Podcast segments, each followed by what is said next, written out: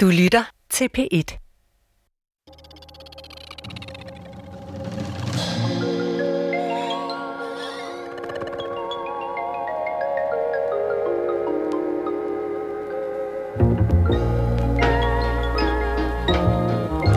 Kender du den slags mennesker, der bringer andre folks pis i kog, fordi deres holdninger eller gerninger overskrider grænsen mellem det forsigtige og fornuftige på den ene side, og så det dristige og helt vildt kompromilløst storsatsende på den anden side? Jeg er på en gang tiltrukket og afskrækket af de kontroversielle typer, der vækker anstød. Jeg synes, der er noget fascinerende ved den slags modige og trodsige mennesker. Det er nemlig de omstridte debattører, kunstnere, forskere osv., der sørger for ild og ilt til debatten. Noget at tage stilling til, noget at tage afstand fra. Det tiltrækker mig, og det afskrækker mig. Igennem mere end 30 år har jeg ofte deltaget i den offentlige debat. Og mens jeg har opført mig pænt, det meste af tiden i hvert fald, og reglementeret, har jeg med interesse og fascination fulgt dem, som gang på gang har flået den gode stemning i stykker. De kompromilløse, de kontroversielle. Og i denne serie spørger jeg, hvad den kontroversielle bidrager med i den store samfundssamtale. Hvordan oplever den kontroversielle selv sin position og funktion? Er det et mål i sig selv at træde over den streg, som pæne mennesker ikke overtræder? Hvad er den personlige omkostning? Og kan man kalde den kontroversielle for den intellektuelles evil twin? Svarene søger jeg i samtaler med fem mennesker, der på hver deres måde har hældt benzin på bålet og fået offentligheden op i det røde felt. Jeg ville egentlig gerne have haft besøg af dronning Margrethe her i programmet, fordi hun jo i et fødselsdagsinterview, da hun fyldte 80 i foråret, sagde, at hun ikke var ganske overbevist om, at klimaforandringerne er menneskeskabte. Det var kontroversielt. Men jeg ved godt, at dronningen aldrig vil dyrke eller reflektere over sin egen kontroversialitet, så jeg inviterede fem andre. Det er litteraten Marianne Stissen, designeren med meget mere Jim Lyngvild, juristen Ditlev Tam, forfatteren Madame Nielsen og forfatteren Kåre Blytgen. Mit navn er Claus Rothstein, og jeg er som udgangspunkt ret så konventionel. Måske også for konventionel. Må jeg bør gøre noget ved det? Velkommen til mine møder med de kontroversielle.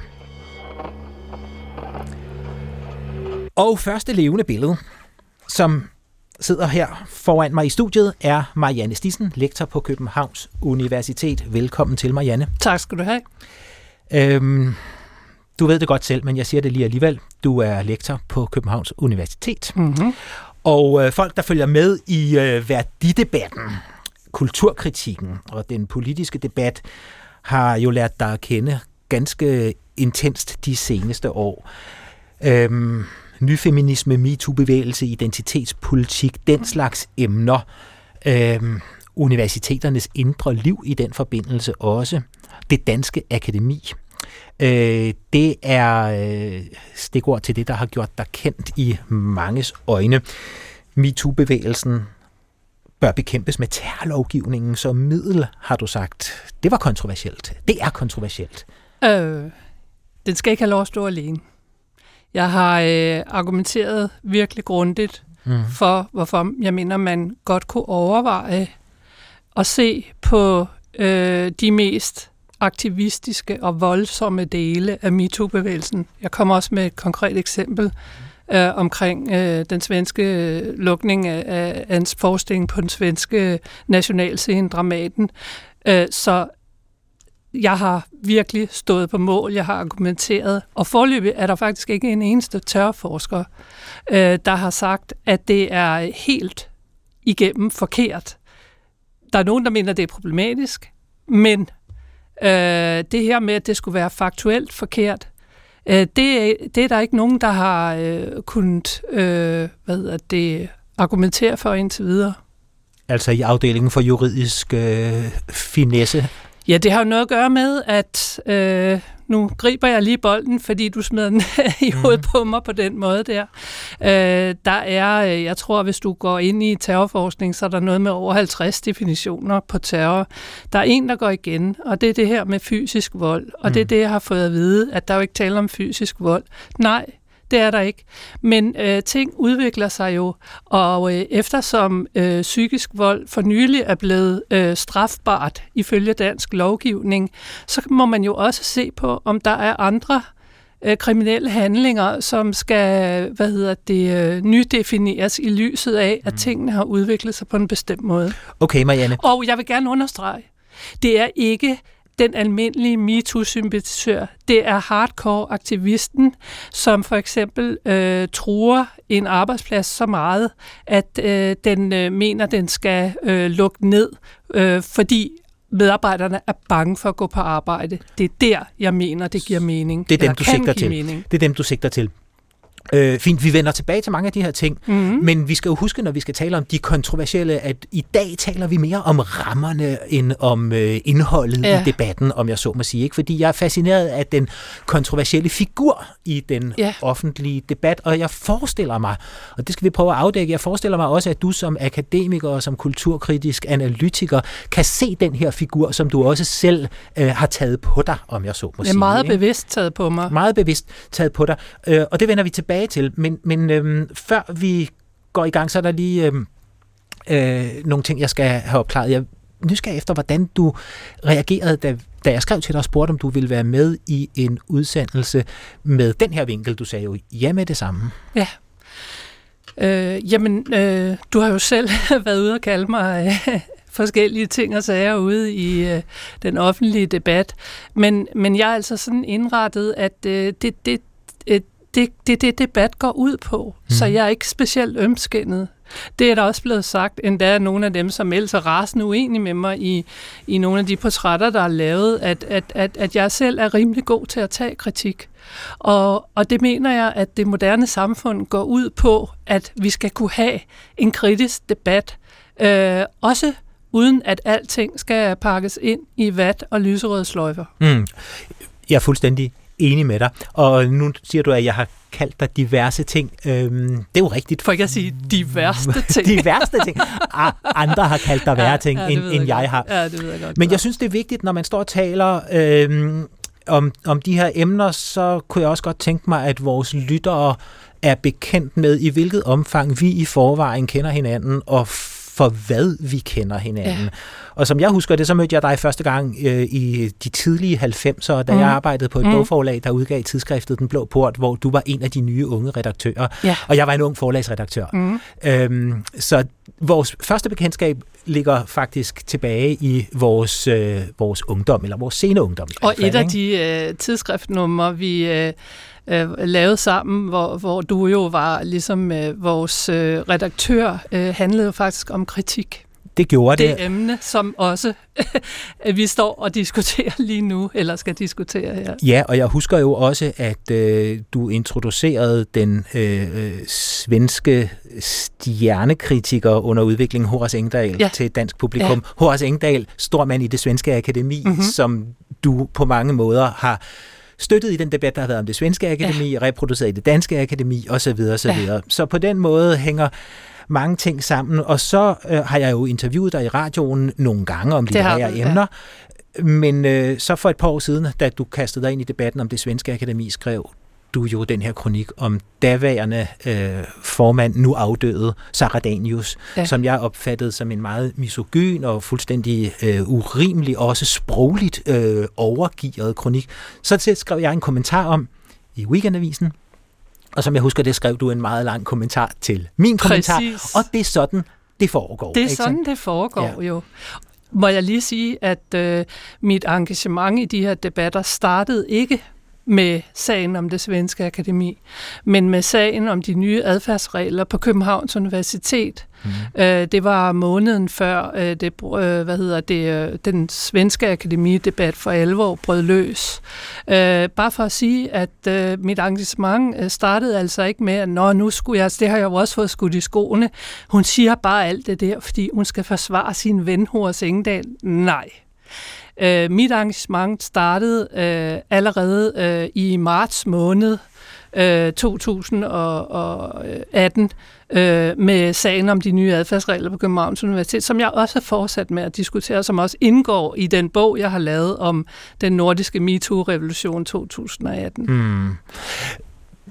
Vi skal hjælpe lytterne med ja. at holde rede i begreber og ja. debatter, fordi ja. det flyder jo sammen på mange det måder. Gør det. Ikke? Jo. Altså, der er så en fællesmængde, man kan sige, der hedder identitetspolitik og, og feminisme øh, på mange måder. Øhm, og hvordan institutioner agerer. Ja. Universitetet, som er din arbejdsplads, Ja. hvad er det for nogle adfærdsregler, du har opponeret mod der? Øh, det er øh, nogle adfærdsregler, som øh, blev til øh, på baggrund af øh, den her øh, krænkelsesdebat, øh, og øh, hvor der lå, de er siden blevet revideret jo, blandt andet fordi, at vi har øh, nogen øh, har øh, blandt andet undertegnet ført en, en, en, en stærk kritisk offentlig debat om det, så er de faktisk blevet revideret. Mm. Øh, og i deres oprindelige form, øh, der var det store problem, at de øh, hvad hedder det, kunne i værste fald bruges til at indskrænke forskningsfriheden og den akademiske frihed. Og øh, for det andet, at det ikke stod soleklart, at man selvfølgelig aldrig kunne få ret, bare man kom med en anklage om at være blevet krænket. Mm. Altså det her med, at øh, i et civiliseret demokratisk samfund, og det er uanset hvilken institution eller hvad du taler om, hvis nogen anklager nogen for noget, så skal det undersøges iskoldt og formelt og upartisk. Og det er det princip, der går i skred her, og, og det er det skred, øh, vi har set i øh, forskellige typer af sager fra Københavns Universitet over det svenske akademi til øh, forskellige andre ting. Og altså, når nogen gerne vil drage omsorg for mennesker i sårbare positioner, plejer vi jo at, øh, at øh, stå vagt om det i fællesskab, altså i sociale fællesskaber, mm. hvor vi synes, at det er en del af vores humanitet, øh, at, øh, at hjælpe de mest sårbare. Men der ligger, synes jeg jo på mange måder i øh, dit opgør med øh, adfærdsanbefalinger osv., også en vis form for kynisme, som kan skræmme mange. Ja, det, det er jeg nok blevet mere opmærksom på. Altså, det er jo slet ikke det, der er mit udgangspunkt og, og hensigten fra min side. Øh, men øh, jeg tilhører jo selv en af de grupper, som er blevet inddraget, eller blevet, hvad skal man sige, øh, har fået markatet sårbar eller øh, så svagelig, at man skal have nogle særlige regler for at kunne klare sig i det her sim- det samfund. gruppe? Det, det er jo kvinder, kvinderne, ikke? Øh, altså, øh, der har været brugt det her øh, ord øh, strukturel sexisme og strukturel kvindeundertrykkelse, og det er det samme som at sige, at det selv der, hvor vi slet ikke kan se, det er der, der er det, det der i virkeligheden også. Og jeg vil gerne sige en ting, for det er mig så magtpålæggende. Jeg vil simpelthen ikke finde mig i som kvinde at se mit øh, køn omtalt på en så nedværdigende øh, øh, måde. Øh, det føler jeg det her. Mm. Altså, øh, ja, jeg er kvinde, men øh, jeg er da fuldt ud i stand til at, at klare mig øh, på samme øh, vilkår som en mand. Det er blandt andet blevet, fordi øh, vi har øh, gennemgået en lang øh, civilisatorisk øh, udvikling, i hvert fald i vores del af verden, Men Marianne øh, som jeg har, som at- kvinde har nyt stor gavn af. Ja, men er det så kontroversielt at, øh, at sige det, du siger som kvinde? Ligesom det er kontroversielt at sige som kvinde, at man måske er imod øh, kvoter for øh, bestyrelsesposter i erhvervslivet eller noget i den retning for at skabe en større øh, kønsbalance. Øh, ja, det tror jeg, og, og igen vil jeg gerne øh, gøre noget helt fuldstændig klart. Jeg går ind for ligestilling. Jeg vil mm. gerne sige det med lige så store versaler, som den desværre afstød jeg Hassan, når han skulle sige noget vigtigt. Øh, jeg går ind for ligestilling, men jeg går ind for ligestilling i udgangspunktet. Forstået på den måde, at igen i det moderne civiliserede samfund, der skal man så vidt muligt rydde alle forhindringer i vejen for, at mennesker uanset køn, uanset hudfarve, uanset social klasse, øh, kan få lov at øh, gøre sig gældende og, og udfolde de øh, drømme, de måtte have om deres eget liv. Mm. Øh, den ligestilling, det er den, jeg egentlig arbejder benhårdt på øh, og, og kæmpe for at opretholde, og det er den form for ligestilling, jeg synes er troet af de her fænomener. Må jeg Godt. sige en ting mere? Jamen, så skynd dig. Øh, jeg kan også godt blive irriteret over, jeg hører tit, øh, nogle personer, der øh, jeg så ikke tror opfatter sig selv som sårbare eller svage, have meget travlt med at tale på andre menneskers vegne. Mm. Altså de kvinder, der udtaler sig om kvinder som ofre, det, det er sjældent, de selv ligesom øh, fremstår som ofre. De fremstår tit øh, som meget stærke. Hvorfor tror de andre kvinder ikke har, har samme styrke? Hvorfor skulle andre kvinder være, øh, være mere svagelige, end de selv er? Men Marianne Thyssen, man behøver jo ikke at være et offer for noget selv, for at tale øh, øh, på vegne af eller Nej. til støtte for andre ofre. Vel? Nej, altså, man må rigtigt. jo gerne fra en privilegeret ja. position tale pænt på vegne af andre. Men, men, men øh, nu skal vi igen, og jeg er nødt til hele tiden at minde både mig selv og dig om det. Vi skal ikke fortabe os i substans, nej, nej. hvilket er en mærkelig formulering, fordi ja. substans er jo vigtigt og afgørende. Ja. Men vi er her jo ja. øh, i dag også meget for at øh, øh, tale om rammeværket, om ja. diskussionerne ja. og om ja. det, jeg kalder den, den øh, kontroversielle figur ja. i den offentlige debat. Jeg vil gerne lige spille et klip for dig, øh, som er fra et øh, radiointerview, hvor du bliver interviewet om din kritik af MeToo bevægelsen. Øhm, det er fra 2018, efteråret 2018. Det gav et gip i, i mange, øh, da du kom frem med din kritik. Prøv lige at lytte med her. Mm. Som jeg fortolker det, der bliver øh, MeToo og andre af de her krænkelsesbevægelser øh, brugt øh, som en anledning, et afsæt øh, til øh, at gennemtrumfe nogle politiske agendaer, som går imod det øh, moderne øh, demokratiske samfunds øh, grundprincipper, altså den liberale humanitet, retssikkerhed, ytringsfrihed, sådan nogle ting. Jeg ser, ikke mindst herhjemme, så mange institutioner gør det modsatte, altså gør knæfald over for det populistiske pres. Og, og, og populisme her forstået som øh, venstrepopulisme. Vi har jo vendet os til efterhånden sådan er det sådan en rygmavsrefleks, især hos os intellektuelle, at tænke populisme som højere populisme. Og øh, der er altså sket det inden for de senere par år, blandt andet båret frem af MeToo, at så den her øh, venstrepopulisme, som jeg kalder det, har overhalet højrepopulismen indenom.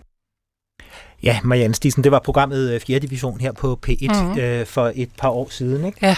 Øhm, så nu har vi du har slået dine pointer fast. Ja. Vi kender dine synspunkter, dine ja. ståsteder, dine analyser osv.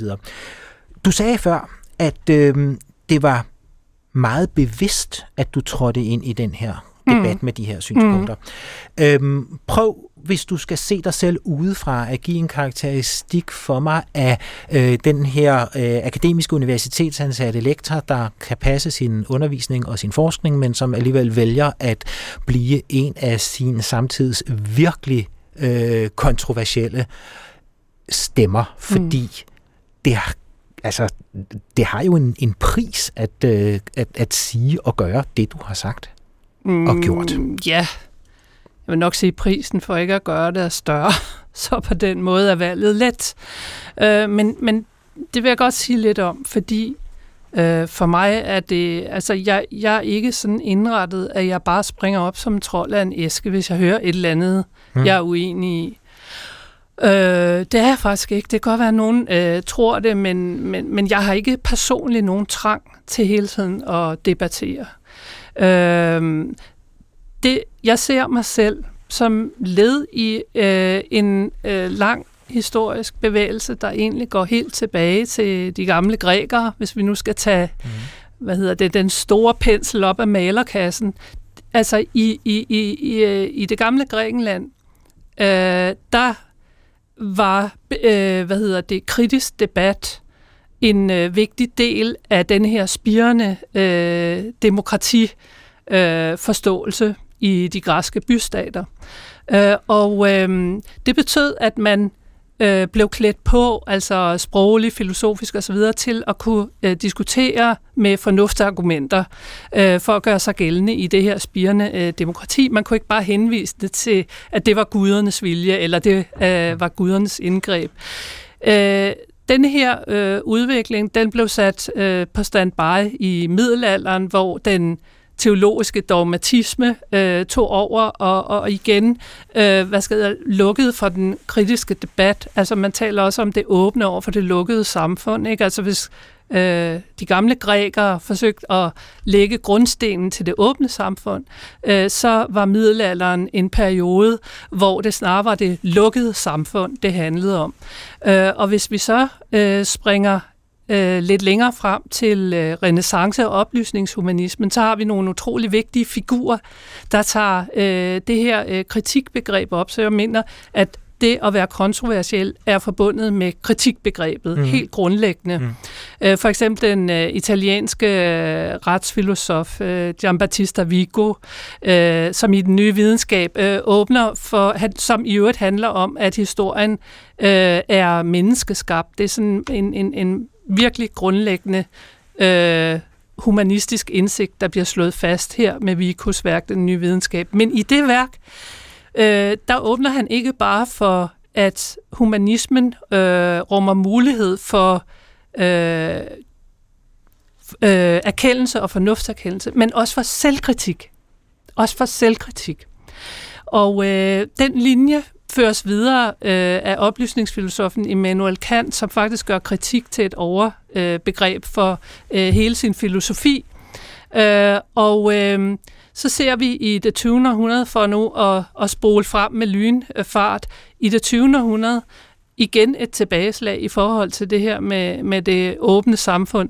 Øh, og det gør vi i forbindelse med de totalitære bevægelser i, øh, i øh, øst og, og vest, øh, som kulminerer med 2. verdenskrig. I 1945, altså samme år som krigen slutter, der udgiver øh, filosofen Karl Popper et af de vigtigste værker, mm. efter min mening, i nyere tid, som opsamler hele den her diskussion. Det åbne samfund og dets fjender. Og grundtanken i det værk er, at i øh, det civiliserede, demokratiske samfund, der skal alting kunne sættes til kritisk debat. Øh, og så trækker han ellers øh, nogle filosofer frem, som efter hans mening lukker for en kritisk debat. Og det er fra Platon og over Hegel og frem til øh, Karl Marx. Øh, og øh, det er sådan set øh, de samme tanker, jeg har udgangspunkt i, og som hele tiden driver mig ud i de her øh, debatter. Jeg øh, er meget optaget af at holde de her tanker om det åbne samfund i live, og derfor er den kontroversielle ikke bare en irriterende figur, men også en figur, som er fuldstændig afgørende for det moderne demokrati. Og det er jo også derfor, jeg har valgt at lave de her udsendelser. Altså, så langt er vi nemlig enige, ja. Marianne Stisen, at den øh, kontroversielle kan være øh, en helt nødvendig øh, figur, der bidrager til den offentlige meningsudveksling, mm. og er med til at holde det åbne samfund åbent. Men den kontroversielle kommer jo ikke nødvendigvis altid med substansen. Det gør den øh, konventionelle jo heller ikke nødvendigvis altid. Altså på begge sider kan der jo siges meget uproduktivt vås. Men, øhm, men, men det, der interesserer mig i den her sammenhæng, det er, når man så øh, øh, som du har gjort med åbne øjne, mm. går ind i debatten med synspunkter, som ikke behager det store mainstream flertal, og som også kan udlægges som en spejlvending af dine egne idealer, hvor man kan sige, jamen Marianne, der er mange af de ting, du taler for, som øh, også peger i, i øh, autoritær retning, altså øh, frihedsbegrebet er sådan lidt øh, flydende og plastisk og så videre. Mm. Altså, så... Ah, det, det, den, den kom du lidt hurtigt fra. Det Jamen, må du altså jo, lige forklare mig, ja, hvad du at, mener. Jeg vil, jeg vil forklare dig, at jeg mener, at der er mange, der hører din forsvarstale for øh, folk, som dine meningsmodstandere vil se som øh, gerningsmænd i for eksempel øh, hele MeToo-debatten. Ikke? Jeg taler specifikt om nogle få øh, personer, øh, som øh, har været med til at skabe situationer, oppe i Sverige, ja. hvor man har måttet øh, lukke teater, fordi medarbejderne ikke turde gå på arbejde. Det har jeg kaldt øh, en, en, en, en, noget, man muligvis kunne kigge på med, øh, med de her øh, Okay, nu modificerer du det også muligvis. Øhm, altså... Nej, nej, det har jeg gjort hele vejen igennem. Jeg har ikke på noget tidspunkt sagt, som øh, flere har påstået, at alle mulige helt almindelige fredsommelige MeToo-sympatisører skulle kaldes terrorister. Aldrig. Nej, nej, ikke, ikke øh, alle mulige øh, fredsommelige. Det er jeg helt med på. Øh, det vil jo også være øh, fuldstændig skørt at gøre det, så det, det, det accepterer jeg. Ja. Men, men du har øh, i debatten stillet dig på manges... Øh, i, i, i, du har i debatten stillet dig på øh, last og bræst med mennesker, som er dømt for øh, voldtægt, for eksempel. Altså hvis vi taler om øh, ham, der i den svenske debat blev kendt som kulturprofilen, og som var affilieret mm. til det svenske mm. akademi og sådan noget. Det, min pointe med det er, at, at når man kæmper frihedskamp, som du siger, du gør, så er du i meget overhængende risiko for, at dine meningsmodstandere mener, at du gør det modsatte. Altså, at du allierer dig med gerningsmænd. Øh, ja, øh, vi tager den lige fra en ende af. Altså, øh, selvfølgelig gør jeg ikke det. Jeg har aldrig nogensinde hverken forsvaret øh, en forbryder eller forsvaret en, øh, som nogen mente havde forsvaret en forbryder. Jeg har forsvaret en person, som øh, benyttede sig af sin ytringsfrihed til at sælge spørgsmål ved grundlaget for en dom. Det er altså noget fuldstændig andet. Øh, noget fuldstændig andet. Øh, og, og så synes jeg, der er en ekstremt vigtig ting at slå fast her, som, øh, som har været op og vende i mit hoved øh, utallige gange. Øh, og det er, læg mærke til én ting. Jeg har aldrig på noget tidspunkt krævet, at øh, dem, øh, som i mine ører sagde noget, som var fuldstændig langt ude i skoven og gav lavmarcheret, ikke skulle have lov at ytre sig. Aldrig. Omvendt. Men, men så, det er du vel heller ikke blevet beskyldt for, at have ville fratage andre deres ytringsfrihed eller mulighed, er du det?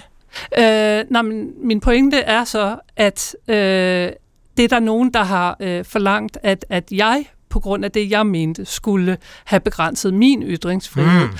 Og, og, og, og det, det, det, det grundlag, vi diskuterer frihedsbegreberne på, øh, det er ikke, øh, er du enig med mig eller uenig med mig, fordi hvis du er uenig med mig, øh, så er du imod øh, alt, hvad der er godt i denne verden, herunder frihed. Nej, den nej. går ikke, vel? Nej, nej. Altså, øh, ja, jeg er uenig med dig, men øh, vi er ikke uenige om, at frihed er en fuldstændig fundamental øh, værdi.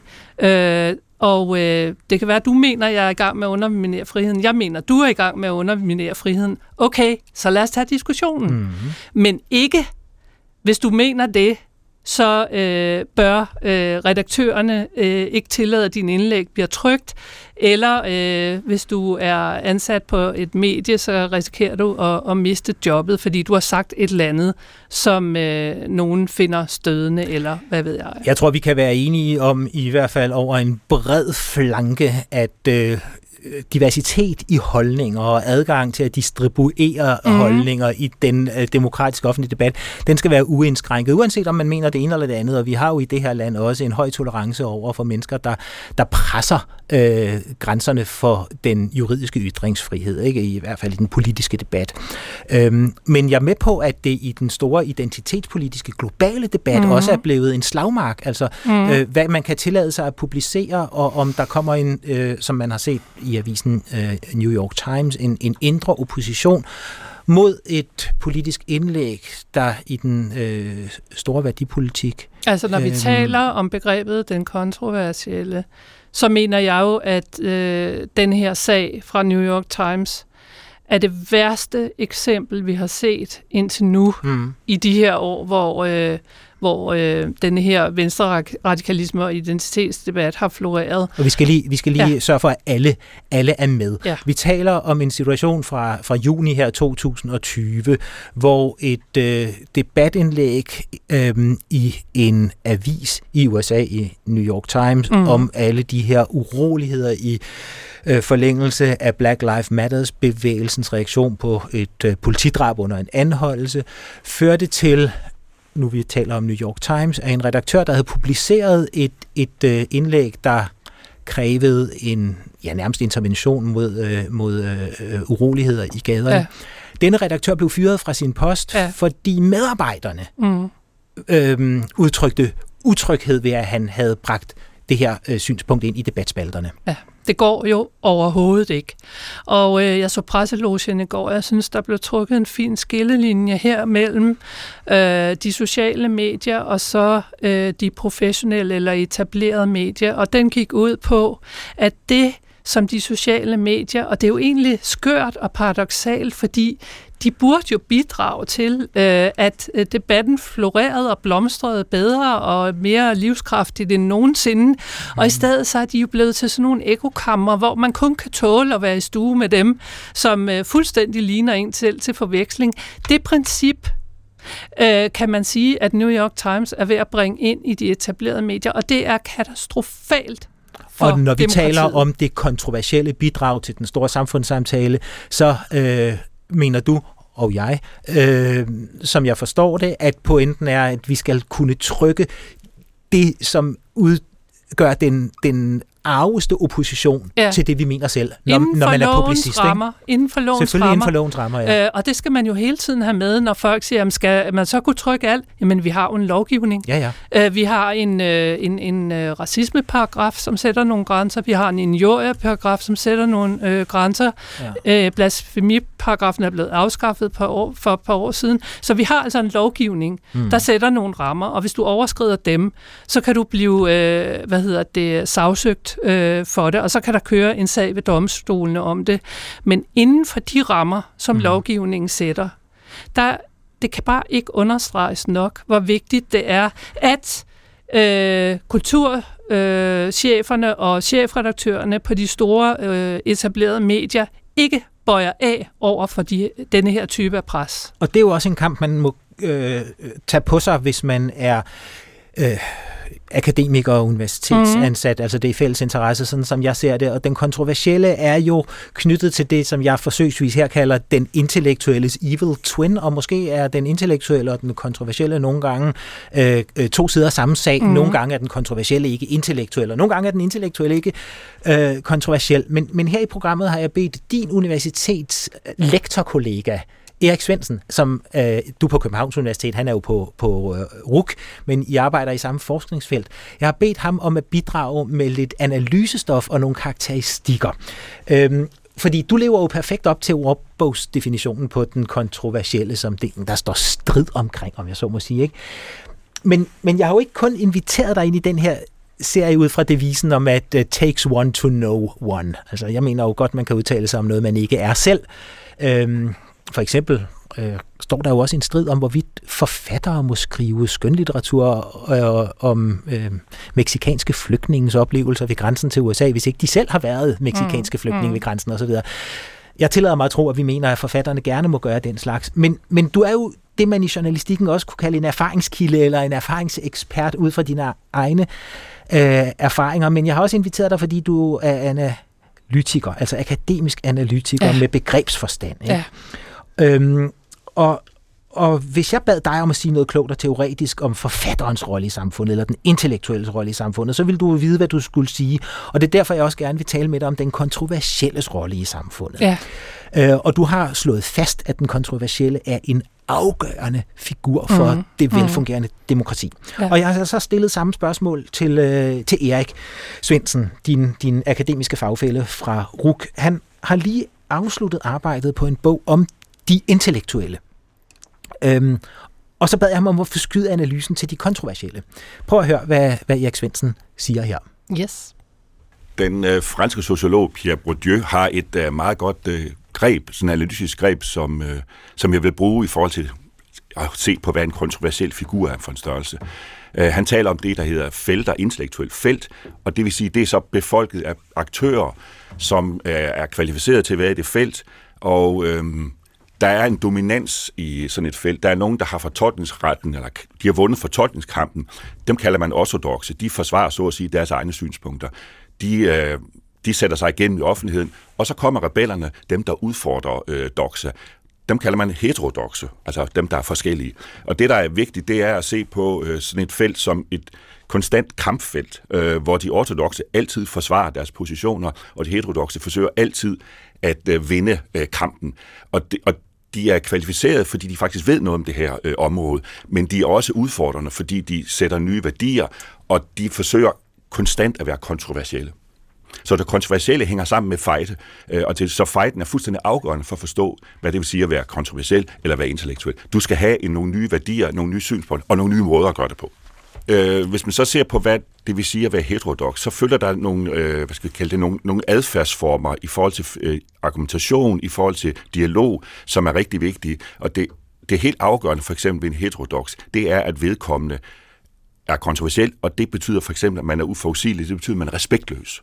Altså, der er en form for øh, øh, gå på mod hos en kontroversiel, øh, som øh, betyder, at vedkommende ikke nødvendigvis accepterer de konventioner, der eksisterer, og vedkommende er ude på at angribe magten. Og når man angriber magten, så skal man bruge mange midler. Og hvis man skal træde i karakter i offentligheden og vinde genlyd, så skal man være respektløs. Det giver pote i forhold til offentligheden.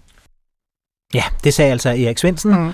lektor på, på RUK mm. og forfatter til en bog om de intellektuelle, og på min øh, opfordring her også øh, øh, nysgerrig efter begrebet de kontroversielle. Mm. Mm øh, man skal være respektløs, og man skal være magtkritisk og udfordre magten osv. Jeg går ud fra, Marianne, at du føler dig, på en god dag føler du dig genkendt i det her, ikke? Mm, jo, og, og, og jeg synes jo, det, det, det er, er meget præcis præcist, det Erik Svendsen får sagt. Og øh, det får mig til at tænke på, at, at, at mm, jeg har ligesom talt meget om den kontroversielle ud fra et socialt og politisk perspektiv. Men hvis vi skal tale om den kontroversielle år ud fra et mere eksistentielt perspektiv, mm-hmm. det tænker jeg også kunne være interessant, mm-hmm. fordi øh, hvad er de for nogle mennesker? Altså, hvad er de, øh, hvordan er de skruet sammen som mennesker, de her øh, kontroversielle figurer? Øh, det synes jeg jo også, jeg har nogle erfaringer med. Nu har jeg faktisk lige siddet og skrevet øh, øh, en lille øh, selvbiografi. Nå. Øh, og den hedder På kant Mm-hmm. Øh, og den rummer jo noget af det samme øh, med alle de her øh, betydninger, der ligger i ordet kant øh, for mig. Øh, men, men, men, men det jeg tænker, det er på det eksistentielle plan har det også noget at gøre med, at man insisterer på at være et, øh, et individ, et autonomt individ med sine egne holdninger, sine egne øh, vurderinger, sine egne følelser. Altså underforstået, at man nægter at øh, tilpasse sig en eller anden kollektivistisk øh, doktrin eller kadaverdisciplin, eller hvad du vil kalde det. Øhm, øh, og, øh, og det er på det mere eksistentielle plan, og, og der kan man jo sige, at der er jeg jo utrolig, øh, hvad skal man sige, øh, på bølgelængde med gode gamle Søren Kierkegaard, altså, øh, som jo er den kontroversielle over dem alle, må vi sige. Ikke? Og vi har endda selv fostret ham i det her land jeg læste i en svensk øh, avis, at der var en karakteristik af, øh, hvad jeg var for, for en, ikke? Øh, fordi i Sverige synes de jo, hvis det kan være uforståeligt i Danmark, så det, kan det være helt uforståeligt i Sverige, som jo er meget, meget konsensusbredt øh, samfund. Og der var en, som sagde, øh, at øh, ja, men, men man skal huske, at, at Danmark har det her øh, ry for at, øh, og ligesom øh, godtage dem, som ingen andre kan lide. Mm. det synes jeg var meget morsomt. Faktisk brugte det som motto på min selvbiografi. Og øh, det tror jeg jo har noget at gøre med, at vi lever i Kirkegårds land. Mm. Kirkegård har sat et, et præg på os, som jeg håber øh, kommer til at vare ved, øh, som handler om aldrig at underkaste sig en eller anden øh, overordnet øh, doktrin af nogen som helst art. Og det er på det mere eksistentielle plan øh, også noget, der har drevet mig. Og jeg kan kun sige, at sådan har jeg egentlig været fra, fra barnsben. Altså den første i familien, jeg øh, så op til i gåsøjne, det var min øh, oldefar, som døde øh, næsten samtidig med, at jeg blev født. Og han var sådan lidt en... Øh, han var sådan lidt en, en kontroversiel øh, gammel øh, knak, øh, kan man godt sige. Så der kan være kontroversielle karakterer inden for en familie, øh, mm. eller inden for et miljø. Det, det er også det, man kalder familiens sorte får. Lige præcis, ja, og så er der nemlig på det helt store ja. plan, er der jo så også samfundets øh, sorte får. Ja, der ikke? er du øh, persona non grata-figuren, ikke? Øhm, og den position kan man jo sige, at du har øh, prøvet af på dig selv i mange af de her ja. debatter, som ja. ellers er præget af et et ønske om konsensus. Og ja. øhm, jeg har det personligt sådan i mange af de her identitetspolitiske debatter, at jeg, øhm, jeg, jeg leder lidt desperat efter et sikkert ståsted. Altså mm. en gang var det mm. meget simpelt for mig at vide, hvor jeg ville placere mig i en værdidebat, men jeg synes, at det blev i stigende grad vanskeligt, men også i stigende grad interessant, fordi øh, der er flere øh, mellemregninger eller flere nuancer, men der er ikke rigtig nogen fløj eller noget ståsted, hvor jeg føler mig komplet nej, tilpas. Nej, det forstår jeg. Det synes jeg er meget øh, rigtigt sagt. Jeg kan godt genkende det, du siger. Men du har jo altså taget et indiskutabelt Ja, det har jeg. Ja, altså for mig handler det om, at øh, det er et meget øh, sammensat billede, men øh, for mig handler det her mest af alt om, om kritisk analyse. Prøv mm. at finde ud af, øh, hvad er det så egentlig, der foregår? Øh, og øh, øh, altså, der mener jeg jo, at nogen forsøger ligesom at, at kamuflere deres egentlige agenda bag alle mulige sådan godhedsattityder. Mm. Og øh, dem øh, bruger jeg en del tid på at prøve at, at rive af dem, simpelthen fordi jeg synes, man skal vide, hvad man egentlig har med at, at, at gøre. Altså for mig er der øh, en følelsesmæssig side i det her, som handler om, at jeg aldrig har kunnet øh, tåle eller udstå øh, kadaverdisciplin og, og den mm. slags, øh, eller at blive påduttet nogle sandheder, som jeg bare skal æde kritikløst. Det, øh, det er mig følelsesmæssigt fuldstændig øh, imod, og på det intellektuelle plan, så er det den der øh, historie om øh, demokratiets og det åbne samfunds tilblivelse fra øh, den græske oldtid og frem til i dag. Men så der er ligesom pointe, en intellektuel og en følelsesmæssig Ja, side. og den pointe har vi forstået, men nogle gange tænker jeg også på, om, om, om ikke du også... Øh, altså den, der siger, jeg taler på det åbne samfunds vegne, mm kupper lidt det åbne samfund, ikke? fordi man samtidig afskærer andre fra også at øh, sige, jeg er også tilhænger af det åbne samfund. Altså når man tager et ståsted, definerer en opposition, så afskærer man også andre fra at, at øh, også gøre krav jo, på men respekten for det, det jo samfund. om, om, om øh, god gammeldags argumentation. Jeg ja, prøver ja. jo altid at argumentere for mm. det, jeg siger, men tit får jeg bare at vide, øh, det må du ikke sige, eller det skulle du aldrig have sagt, og luk munden på hende, øh, i stedet for du tager fejl, Marianne, fordi mm. sådan og sådan og sådan. Det savner jeg. Og øh, vi kan jo ikke blive, altså vi, vi kan jo ikke komme udenom, at det åbne samfund er defineret ved, at tingene altid bliver sat til kritisk diskussion. Jeg synes heller ikke, man kan komme udenom, at det vi ser, nu er der en debat i gang, mens vi sidder her, øh, nemlig øh, om øh, Black Lives Matter, øh, og de her demonstrationer, vi har set, og de var også op og vende i presselogen i går. Og det er slet ikke noget, jeg har været involveret i eller haft en mening om, men, men det, jeg ser det samme mønster. Altså en af chefredaktørerne på de store viser sagde, at det er lagt op som om, vi skal købe hele parken, mm. men det er jo ikke det, der er pressens opgave. Nej, og, og måske og at købe det... hele parken, så er du over i det lukkede samfund. Ja, ja. Jeg er ked af at sige det, men det er sådan, det er. Og det er jo heller ikke den intellektuelles, eller den kontroversielles, eller akademikernes opgave Nej. at købe hele pakken. Altså, Nej. Altså måske skal man simpelthen øh, bryde, bryde øh, øh, pakkegrænserne ned, altså, og øh, prøve at orientere sig over et bredere felt. Øhm, I hvert fald, så tror jeg, at vi er rigtig mange, der står forvirret tilbage over, at ting, vi måske holdningsmæssigt godt kan forstå, bliver øhm, korrumperet af retorik måske nogle gange. Mm. Altså, der kigger jeg på dig, fordi mm. jeg tænker nogle gange, har jeg tænkt, ja, men jeg kan godt forstå din pointe, Marianne, men jeg kan ikke forstå dit sprog. Jeg vil godt lige spille et klip øh, igen fra en, øh, mm. fra en udsendelse, mm. du har medvirket i her på P1 fra, øh, øh, fra 4. division. Øh, Prøv lige at lytte med her. Yes. Og nu kan det godt være, at det er den kedelige historiker i mig, der vågner, men, men sammenligningen med den franske revolution og med Robespierre, jeg, jeg er med på, at det kan være for effektens skyld, men, men, men hvis vi kigger virkelighedsnært på det, altså små 20.000 mennesker blev henrettet på et år i Frankrig, øh, under, eller under øh, tre år var det styret, det store terrorregimente. Mm. Altså du mener vel ikke i ramme alvor, at svenskerne er i gang, øh, altså den her venstre øh, populistiske, nyfeministiske bølge, at de er i gang med noget, der minder om, om øh, et revolutionært terrorregimente?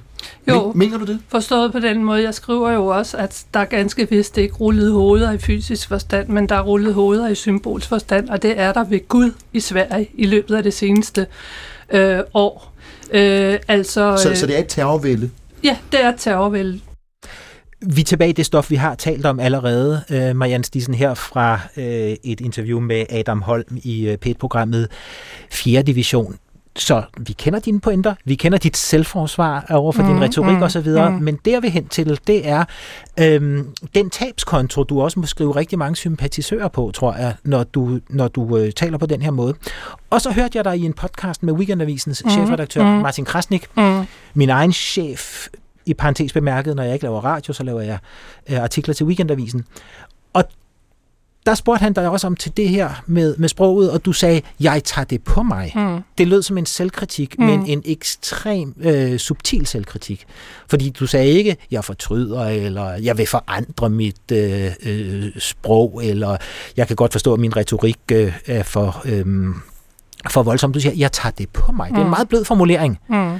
Hvad i alverden mener du med, at du tager det på dig? Det må have en konsekvens. Har det ikke det?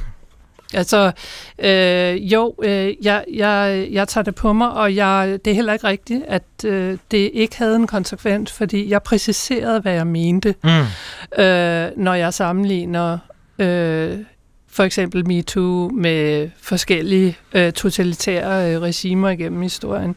Øh, og det jeg sagde, det er, at det er jo ikke det samme som de her historiske regimer. Men der er nogle strukturelle lighedstræk, og så præciserede jeg, hvad de gik ud på. Mm. Så jeg prøvede altså at, at, at præcisere det. Så vil jeg godt sige noget andet til det, fordi øhm, jeg, jeg kan godt se det, og jeg, jeg er også i stand til at se mig selv udefra, og høre mig selv udefra, øh, når jeg bruger øh, et, et, et, et, en sådan rimelig voldsom øh, retorik. Der er to ting, jeg vil sige til det. For det første, øh, jeg øh, er vokset op på landet, hmm. øh, i, ude i et miljø, hvor man siger tingene rimelig meget ud af posen. Det er stadig en del af min identitet, øh, på godt og ondt. Altså, øh, jeg, jeg vil gerne tage forskellige typer af kritikker på mig, men, men jeg kan ikke være en anden end den, jeg er. Jeg kan ikke blive en fuldstændig sådan glatslæben, poleret, øh, hvad hedder det, debattør i, øh, i laksko og med, hvad hedder tomme tyk lag teflon udenpå, fordi øh, sådan er jeg ikke. Øh, og så det andet, jeg gerne vil sige, det er, at jeg har jo følt, i, nu har jeg været i de her debatter i over to år, meget af tiden synes jeg, at jeg har stået rimelig alene. Jeg kan fornemme, hvordan der begynder at komme rigtig mange på banen nu, som begynder at kunne se de her problemer. Jeg tror, når jeg skal analysere mig selv udefra, at øh, i den her forholdsvis lange periode, hvor jeg var selvfølgelig ikke fuldstændig alene, men jeg var forholdsvis alene, øh, der kan jeg kun sige, at, at, at det påvirker selvfølgelig også en, ikke? Mm. Øh, så, øh, så man tænker, hvad er det? Kan de der overhovedet ikke se problemstillingen her? Nu begynder folk at kunne se problemstillingen. Jeg håber så bare, selvfølgelig ikke. Det er for sent, fordi jeg føler jo, at, som jeg har sagt flere gange, at det virkelig er det åbne samfundskamp, jeg er ude at kæmpe her. Det er ikke en eller anden lille øh, bagatelagtig sag. Men det er Marianne Stissen, dine meningsmodstandere mener også, at de kæmper for det åbne samfund. Det er bare en anden form for åbenhed. Ikke? Så altså, nogle gange kan man jo godt have en oplevelse af, og du viste en vis forståelse for mit tvisind før, mm. øh, at det sådan er ret mod ret, der diskuterer, ikke øh, ret mod uret. Og det kan, det kan skabe forvirring, men jeg synes, det er fint, øh, du, du siger, at du også godt kan se dig selv udefra i de situationer der. Nu skal du høre, hvordan din kollega Erik Svendsen ser dig. Ja, øh, fordi øh, han, han, har, han har lavet den her øh, karakteristik af dig til dagens anledning. Øh, Marianne Stisen har jo to hatte. Øh, hun har en... Øh, en hat, som er universitetshatten. Øh, det er den, hvor hun er litterat, øh, litteraturforsker, og inden for det område, der, der vil jeg sige, at hun er om ikke mainstream, så karakteriserer hun øh, en, en bred strøm af litterater, øh, som øh, har øh, forskellige, hvad skal jeg sige, forskellige læsninger, som gør, at hun er, jeg synes, hun er kvalificeret i de læsninger, øh, og også markante synspunkter. Øh, hun har også, øh, gør også brug af en psykologisk tænkning, som i nogen universitetssammenhæng vil blive opfattet som speciel. Øh, det er jeg-psykologien, som hun promoverer, øh, eksistentiel psykologi, og det er ikke noget, man normalt ser, det så man for flere år siden. Så det er, hvad skal jeg sige, mini-kontroversielt i og med, at hun taler om de synspunkter. Øh, så som universitetsperson, der, hun, øh, der sidder hun i kassen, om man så må sige. Hvis man så tager øh, den anden kasket, eller den anden hat frem, det er den, der er øh, polemikeren, det er den, der går ud i offentligheden og promoverer bestemte synspunkter, som er ret forudsigelige, og som er bundet til nogle bestemte holdninger. Øh, der er hun kompromilløs øh, og, og, og meget voldsomt polemisk. Og der er hun kontroversiel, fordi hun afviger fra de synspunkter, man normalt finder på universitetet. Altså, jeg opfatter det kontroversielle i, øh, den polemiske side af Marianne Stissens virke, som øh, et, der... Øh, altså for eksempel så er hun voldsomt øh, kritisk over for MeToo-bevægelsen, og det er normalt ikke noget, man finder på universitetet. Der, den nyder stor opbakning blandt øh, studerende og blandt øh, forskere, fordi det er et, et eksempel på moderne frigørelse. Øh, og den øh, MeToo har Stisen øh, konstant øh, kritiseret, ud fra nogle forestillinger om ytringsfrihed og demokrati, øh, som man kan være uenig i eller ej, men i hvert fald så har hun på det tidspunkt, eller på det, på det niveau, der er hun afvigende. Fordi normalen på universitetet, hvor hun, som er hendes arbejdsplads, der vil hun sige sig at være en, der repræsenterer synspunkter, vi ikke normalt finder. Ja, det var Erik Svendsen. Marianne Stisen, han, han, han laver faktisk øh, springet fra kontroversielt til afvigende lige frem. Altså har du, øh, har du følt dig selv som en afviger de år, hvor du har diskuteret identitetspolitik? Ja, på universitetet, men mm. ikke ude i samfundet. Altså, det er jo også derfor, jeg synes, at øh, uanset om jeg har lyst til det her eller ej, og der er da utroligt tit, jeg ikke har lyst til mm. at være den her person. Øhm, Altså, det var ikke sådan, at man lige frem, at, at nogen lige frem elsker at stille sig op til en hel masse øretæver hele tiden. Øh, men øh, igen, øh, jeg synes, det er vigtigt, at nogen gør det. Og øh, øh, jeg har så følt, øh, at øh, det ja, var mig, der skulle gøre det, i hvert fald øh, et stykke tid. Og nu kan vi jo se, fordi øh, altså, jo flere nye øh, debattører, der melder sig på banen og godt kan se nogle problemer i det her, jo mere kan jeg måske trække mig lidt tilbage og være andet end kontroversiel. Og det vil jeg ikke være ked af. kontroversiel emeritus. Emerita. Emerita ja. Marianne Stisen, vi har, vi har kun få minutter tilbage. Ja. Øhm, jeg vil gerne øh, bede dig om et godt råd, fordi jeg opfatter mig selv som en temmelig øh, konventionel øh, debattør og, og, og kritiker. Øhm, jeg ved ikke, om jeg har et kontroversielt potentiale. Det er sket for mig, at jeg er kommet til at jogge i spinaten, bringe folks pis i kog, selvom det ikke var min intention. Øhm, men, men hvad kan jeg gøre? Kan man øh, påtage sig at være kontroversiel? Øh, ja, øh, det, man kan godt mande sig lidt op til det. Det tror jeg på, man kan. Øh, altså fordi, øh, igen, der er jo for pokker ikke nogen af os, der synes, det er specielt sjovt at, at hele tiden blive banket løs på. Så det er også noget, man må tage sig sammen til at vælge at gøre. Øh, hvis der er en sag, man, øh, man mener er, er vigtig nok, Øh, altså stå op for den, øh, tag det ubehag, øh, der måtte komme.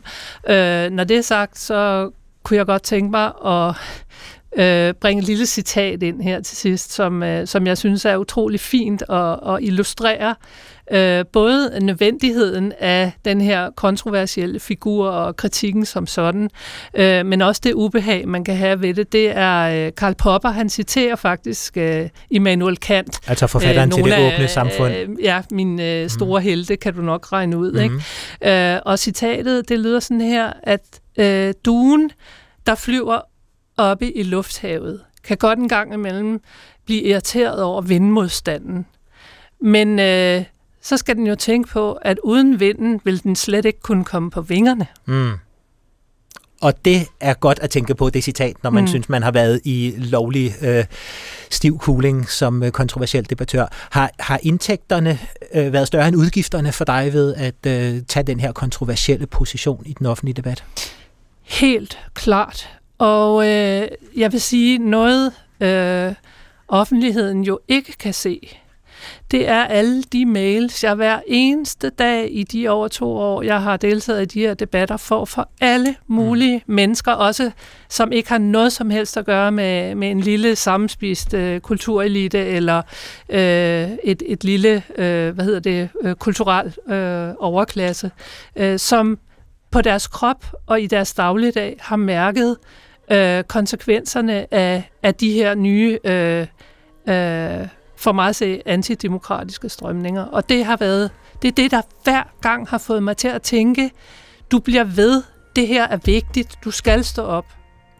Tak Marianne Stissen, fordi du ville være med i øh, de kontroversielle. Det var første episode, og den slutter her, fordi vores tid er gået. Tak ja, fordi du var her, Marianne. Selv tak, Claus. Der er nu fire afsnit tilbage. Næste gang taler jeg med Jim Lyngvild, som ærligt talt ikke stod øverst på min egen ønskeseddel, da jeg skulle planlægge denne serie. For mig var han bare en slags professionel kendis uden berøringspunkter i mit eget liv. Men hver gang jeg spurgte folk, hvem de fandt mest kontroversielle ude i det danske landskab, dukkede hans navn op. Han er ikke en samler som Mads Steffensen eller Philip Faber. Han er en spreder med et stort hjerte, der banker varmt og impulsivt, og i næste episode skal jeg møde ham for første gang, og det bliver faktisk lidt kontroversielt for mig, der mest færdes i de intellektuelles lille biotop. Og apropos mig, jeg har jo bedt Erik Svendsen om at karakterisere mine gæster. Det er kun rimeligt, at jeg smager min egen medicin, eller Eriks, så i episode 5 vil han type bestemme mig som kritiker og debattør, og så må vi se, om jeg kan finde en mere kontroversiel vej for mig selv. Uanset om du hører det her i radioen eller som podcast, skal du have tak for opmærksomheden. Næste udsendelse kommer samme tid, samme sted i næste uge. Men alle seriens episoder ligger allerede nu klar på en sølvbakke i DR's radio-app. Redaktør af De Kontroversielle er Troels Østerlund Madsen, produceren er Torsten Christiansen, og jeg hedder Claus Rothstein, og jeg siger på genhør.